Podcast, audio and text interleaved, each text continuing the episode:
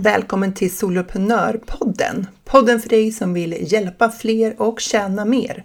Jag heter Jill Nyqvist och det är dags att skapa stordåd.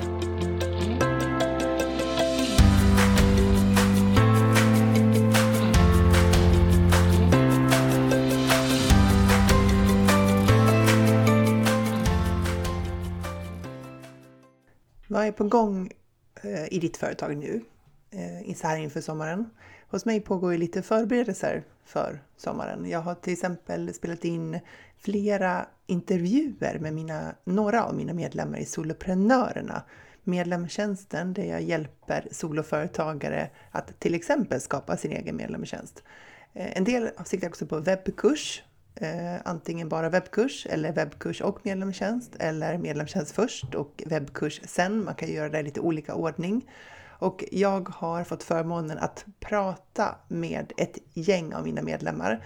Så jag har lagt upp eh, de här intervjuerna så att de ska kunna släppas över sommaren. Så att om du vill hänga med Soloprenörpodden över sommaren så kommer det finnas avsnitt varje måndag att lyssna på. Och inte vilka avsnitt som helst. För det är väldigt inspirerande prat som handlar om alla möjliga saker. Alltifrån personlig utveckling, time management, eh, företagarresor och mycket mer. Så att det här vill du inte missa. Det är ett fantastiskt gäng som hänger med mig i Soloprenörerna och det känns verkligen som en förmån att både få jobba och möta dem där i medlemstjänsten men också att få ha dem med här i podden. Så håll utkik här framöver. Annars har det varit väldigt mycket eh, utbildningar Eh, Eh, och kundjobb i mitt företagande, vilket är superkul. Det känns verkligen som att eh, innehållet i de uppdragen som jag har nu är helt rätt liksom, för min företagarlinje. Jag har ingenting som, som liksom, du vet, sladdar på sidan som jag tänker att det där kanske inte borde ha tagit åt mig eller liksom, det här borde jag inte gått vidare med och sådär. Utan det känns som att innehållet är bara helt rätt och det känns ju fantastiskt roligt. Att det löpande kommer in kunder och uppdrag som är precis i linje med det jag vill hjälpa till med och som jag tycker att jag kan hjälpa till med. Eh, det som har varit under våren är väl att det har varit lite intensivt då. För att ibland skulle man behöva lägga saker och ting efter varann, men det har blivit lite grann att det har liksom sig ovanpå varandra, vilket har gjort att jag kanske har jobbat eh, lite för mycket. Eller kanske inte kanske. Okej, okay, så här är det. Jag har jobbat för mycket. Mm -hmm. Mitt ledord för året skulle ju vara överflöd. Låt oss säga att det finns överflöd av uppdrag då, överflöd av arbete. Eh, och eh, till hösten så pågår nu min planering för att organisera hösten på ett annat sätt. Så fortfarande många roliga uppdrag, fantastiska kunder, väldigt tacksam för det. Eh, men jag ska göra min planering på ett annat sätt. Så det ser jag faktiskt fram emot. Inte för att jag egentligen vill tänka på hösten just nu, för nu känns det fantastiskt att ha en sommar framför sig. Men för att eh, det är, jag gillar ju att planera och att blicka framåt och titta på en höst som ser lite öppen ut i kalendern. Det känns fantastiskt. Det kommer bli bra tror jag. jag känner mig stark. Det kommer funka. Det tror jag varje höst. Men herregud, man, skam den som ger, mig. Man ger sig. Man får väl man får helt enkelt fortsätta försöka tills man liksom lyckas och får det gjort. Eh, det här med balans och fokus. Och, eh, det är inte så att jag siktar på balans precis i alla delar av livet och att det ska gå jämnt och väga jämnt och sådär.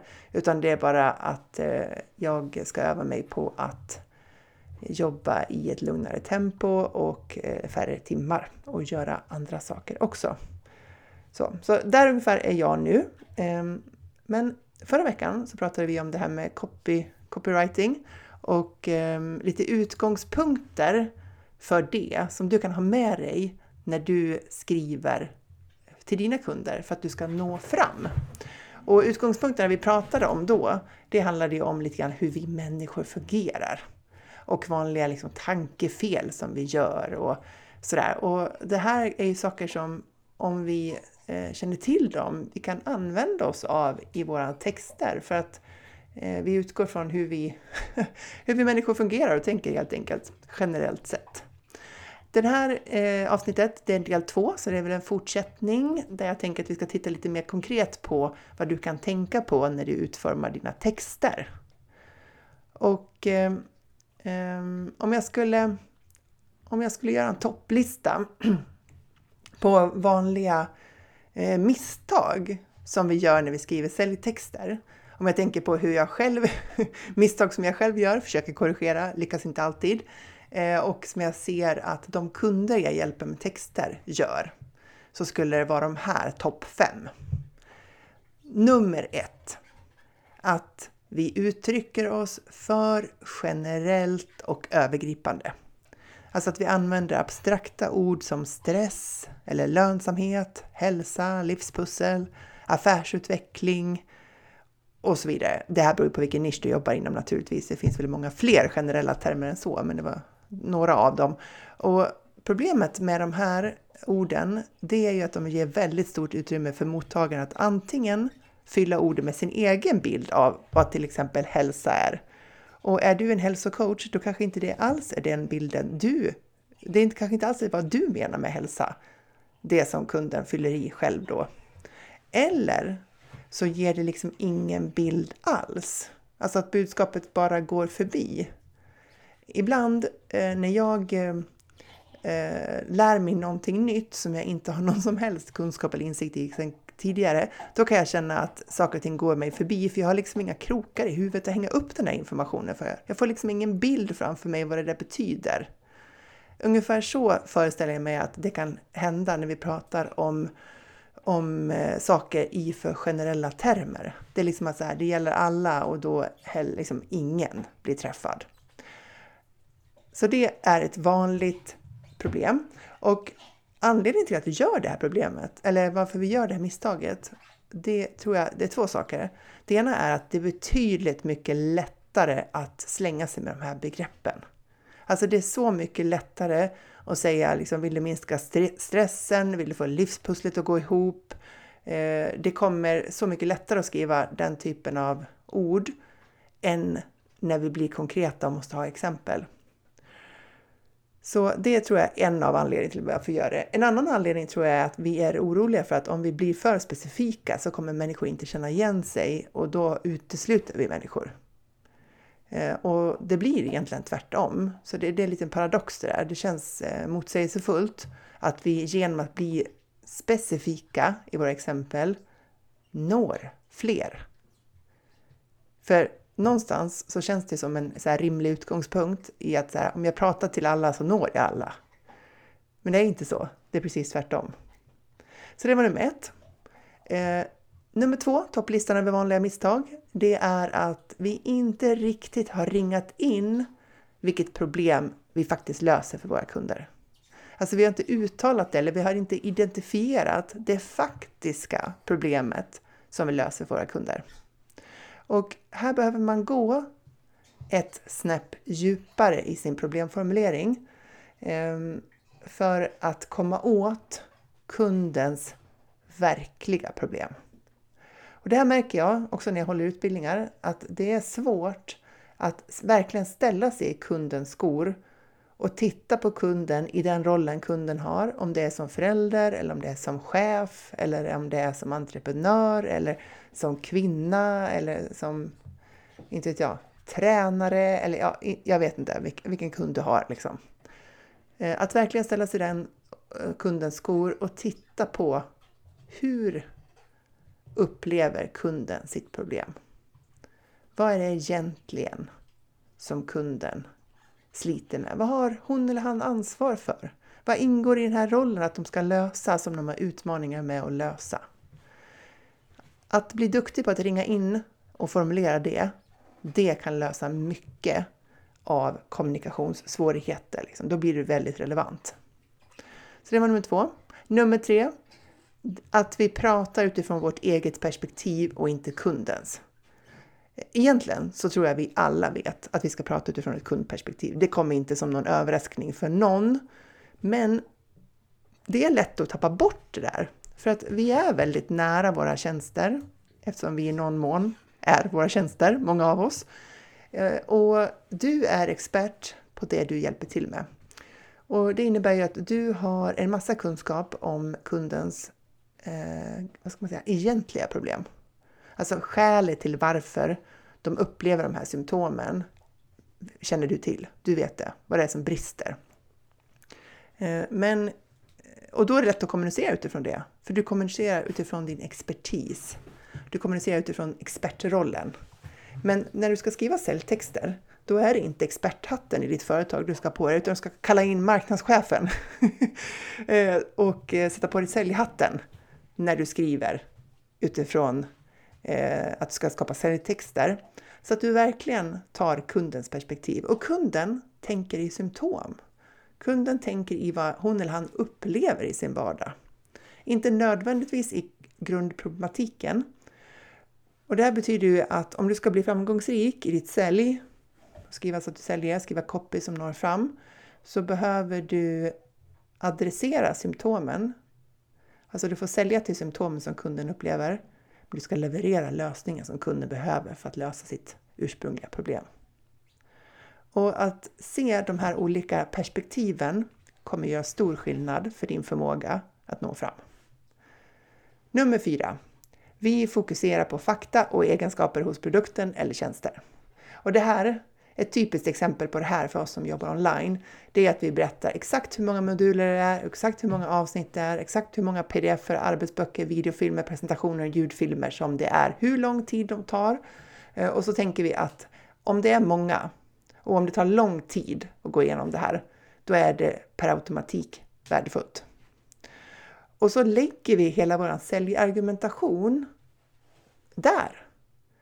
På de här fakta om kursen eller egenskaperna hos produkten, tjänsten. Eh, och så glömmer vi bort att kunden köper destinationen och inte resan dit. Alltså motsvarande, om vi ska åka på semester, då köper vi semesterresemålet. Vi köper inte liksom resan dit. Det är inte det huvudsakliga, exakt vart vi ska sitta, hur det går till och, och alla de här sakerna. Utan vi vill ju ha en målbild. Vi vill veta hur, hur blir det när vi kommer fram till det där semestermålet? Och din kund vill veta, hur blir mitt liv annorlunda eller bättre när jag har tagit hjälp av dig? På vilket, kommer mitt, eh, på vilket sätt kommer mitt liv att underlättas? Där behöver vi ha vårt fokus. Det betyder inte att vi inte ska prata om fakta och leveransen, liksom sättet och sådär. Det måste vi göra också. Det är bara att det är inte det huvudsakliga säljargumentet. Och sista då, nummer fem. Vi uppmanar inte liksom folket att göra någonting. Du vet, CTA, Call to Action, uppmaning till handling. Hur lätt är det inte att glömma bort att faktiskt berätta vad vi vill att kunden ska göra? Ska de svara i ett nyhetsbrev? Skriv att de ska svara. Ska de klicka in sig på länken i din profil på Instagram? Skriv att de ska göra det. Ska de ladda ner din freebie? Skriv att de ska ladda ner din freebie. Fast du kanske inte kallar det för freebie, du kan kalla det för guide eller lösningen eller ja, vad det nu är för någonting. Alltså kom ihåg att uttala vad du vill att människor ska göra, för sannolikheten att de gör det blir mycket större. Det går liksom fort. Folk tänker inte liksom hålla på att analysera vad du menade med en text om du inte väldigt explicit uttryckligen säger vad de ska göra. Så kom ihåg att ta med en uppmaning till handling, vad det är. Det kan vara olika saker. Så det var topplistan. 1. Uttrycker sig för generellt och övergripande. 2. Har inte riktigt ringat in vilket problem du löser. 3. Pratar utifrån vårt eget perspektiv och inte kundens. 4. Fokusera på faktaegenskaper hos tjänsten. 5. Uppmanar inte till handling. Det är topplistan så som jag ser det utifrån vanliga misstag som vi och jag gör i vårt skrivande när det gäller säljtexter. För frågan är, när, vi, när du kommunicerar i dina kanaler, hur fokuserade är dina potentiella kunder när de läser din text?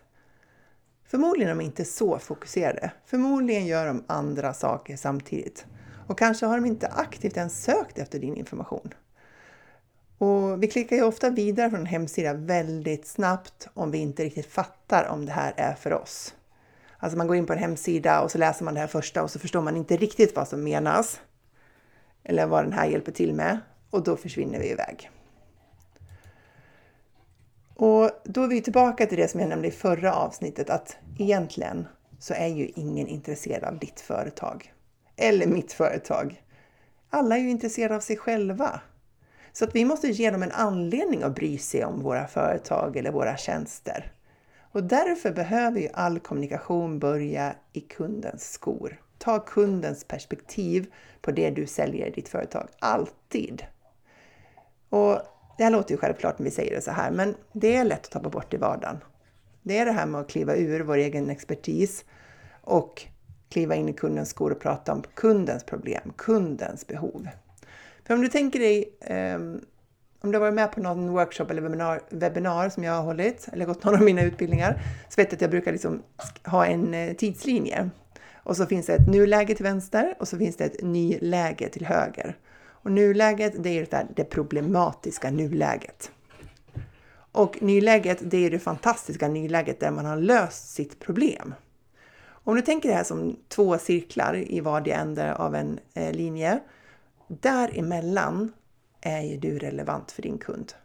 För så länge du pratar om någonting som hjälper kunden att röra sig från det här problematiska nuläget till det här fantastiska nyläget så blir du relevant för dem. För du har identifierat så här, vilka problem är det de har och vad är den önskade målbilden? Vad är det de vill ha? Vad vill de uppnå? På vilket sätt ska deras liv bli annorlunda eller bättre? Just inom den delen, den nisch, den bransch du hjälper till med. Håller du dig inom den eh, linjen, nuläge, nyläge, så kommer du att eh, vara relevant för din kund. För det är kunskap och budskap som din kund behöver för att skapa det resultat de vill ha. Så avslutningsvis då, fem tips som drastiskt förbättrar din säljtext. Nummer ett. Prata om problemet så som de själva upplever det. För ingen köper en lösning på ett problem som de inte vet att de har. Och det är där vi är tillbaka med det här liksom att kunden pratar om sina symptom, klagar på någonting i sitt liv och du vet vad grundorsaken är och vad lösningen är på det du levererar. Att det du levererar hjälper dem eh, att få den här lösningen. Men kunden är ju, eh, de är kvar i symptomen. De är kvar i vad de upplever som problemet och de söker en lösning på det problemet, de symptomen. Och att du vet vad som är den djupare orsaken bakom det där ehm, är bra, för det är det du behöver för att du ska kunna hjälpa dem. Men det är inte det du använder när du säljer. Om man tar ett exempel då. Ehm, om en, ett vanligt exempel i det här sammanhanget brukar vara huvudvärk. Så kunden eh, klagar på huvudvärk och vill ha smärtmedicin för att ta bort värken. För man vill ta bort symptomen som är huvudvärk. Du kanske vet att grundorsaken till huvudvärken är vätskebrist eller stress eller brist på sömn eller beroende på vad du jobbar med. Men kunden kommer ju inte köpa en lösning för sin huvudvärk som innebär att du säger att de ska sova bättre eller att de ska dricka mer vatten. För att eh, kunden vill ju bara ha, så här, ge mig medicin för att bota symptomen. Så du måste ju möta upp kunden där i smärtan i huvudet. Eller vi säger att en, en chef som har problem med sin personal som inte följer rutinerna, som tjafsar inom gruppen och, och eh, medarbetarna levererar inte resultat som det är tänkt. Du som ledarskapsexpert, du vet att det beror på chefens bristande kommunikation eller otydlighet i rutiner, att chefen inte tar tag i konflikter eller inte ger feedback på utfört arbete. Men chefen kommer ju aldrig köpa det av dig om chefens upplevda problem är att medarbetarna inte gör det de ska. Där måste ju du möta upp den chefen och adressera de problem som chefen upplever i sin vardag. Utifrån det ansvar som finns i den rollen som innebär att vara chef och ledare. Där kan du börja konversationen för att sedan leda över till vad den tänkta lösningen är. Nummer två. Var specifik och konkret. Alltså var mer specifik än vad du är bekväm med och prata om någonting som är konkret och gripbart. Det är det här som är motsatsen till att vara generell och abstrakt. Eh, och det här med att vara specifik, det handlar om att ge exempel från din kunds vardag, så som du känner den. Du har pratat med kunder, du vet hur de brukar beskriva sin, sin problematiska vardag, alltså sitt problematiska nuläge. Använd det! Eh, använd deras formuleringar kring det här och dra vardagsexempel som de kan relatera till. För att det kommer att ge en bild av att um, du har en sån ingående uh, förståelse för deras problem att du rimligen också har lösningen. Nummer tre. Uh, fokusera på resultaten. Vi pratade lite grann om det innan, transformationen. Eh, och här finns det två eh, viktiga bryggord som du kan använda det. Jag tänker att jag tar två exempel utifrån eh, det jag hjälper till med med medlemstjänster. Då. Så kan jag säga så här. Eh, paketera om din kunskap till en medlemstjänst så att du kan få en tryggare tillvaro genom återkommande intäkter i ditt företag. Här har jag berättat, gör det här så att du kan få en tryggare tillvaro genom återkommande intäkter i ditt företag. Då vill man uppnå någonting genom att göra det här. Ett annat sätt att göra eh, det är att göra tvärtom. Paketera om din kunskap till en medlemstjänst och få återkommande intäkter utan att behöva sälja hela tiden. Och när du sätter ett utan att, då lyfter du någonting som är oönskat hos din målgrupp. Så att du tar bort en smärtpunkt. Alltså du behöver inte sälja hela tiden om du driver en medlemstjänst för att du har återkommande intäkter. Eh, så det är ett sätt att undvika ett obehag, att använda kommunikationen för att liksom, tydliggöra det, vad man undviker. Och den andra varianten, så att du kan, det beskriver ju vad det är som är möjligt att uppnå med det du föreslår. Så det här är två väldigt användbara bryggord som du kan använda. Så att du kan, eller utan att och sen vad du nu fortsätter med. Människor har ju ont om tid, så därför så är tips nummer fyra att fokusera på att vara att du hellre ska vara tydlig än fyndig. Ibland kan man ju ha någon bild av att så här, reklamtext ska vara lite fyndig, för det är ofta det vi ser på TV. Så här, någon skojig reklam så kan man skratta jättemycket och tycka att den är superfyndig. Sen kanske de inte ens kommer ihåg vad man faktiskt såg för produkt i det där. Det kanske inte alls kopplas till en produkt. Man kommer ihåg storyn, för den var rolig. Men så kommer man inte ihåg vad de, vad de sålde. Och då kan man väl säga utifrån ett reklamperspektiv, säljperspektiv, att den reklamen har misslyckats.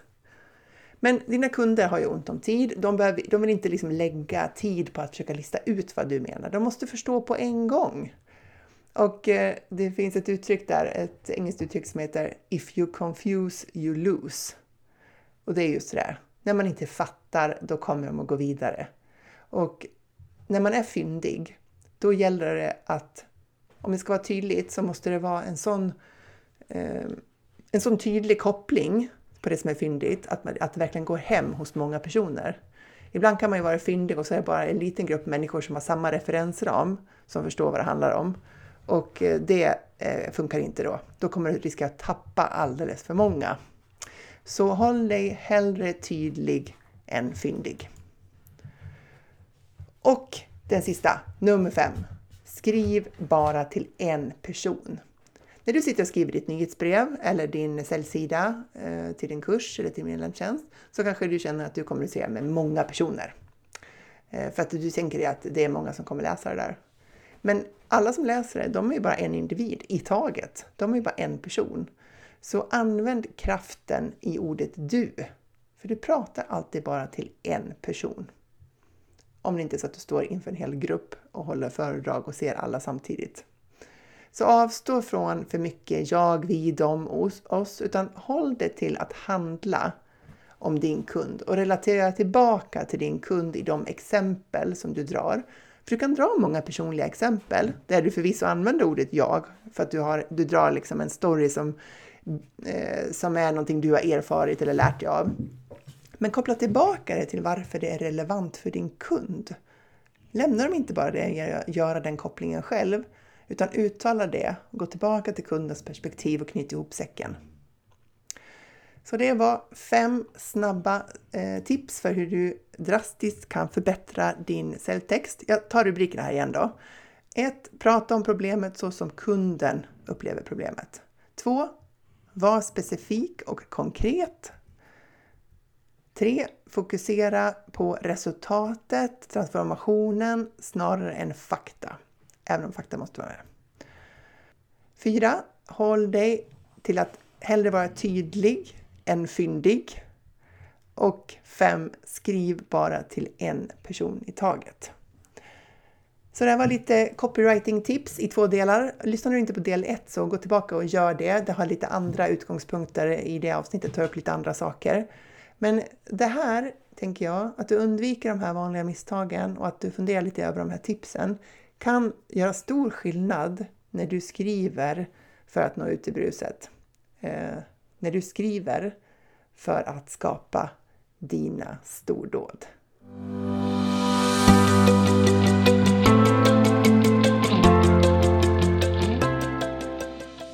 Stort tack för att du lyssnar på Soloprenörpodden. Jag är så glad att ha dig här.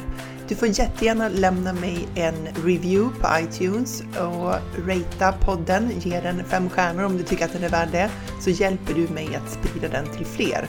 Eller varför inte ta en skärmdump på det här avsnittet och tagga mig på en story på Instagram, solopreneur.nu.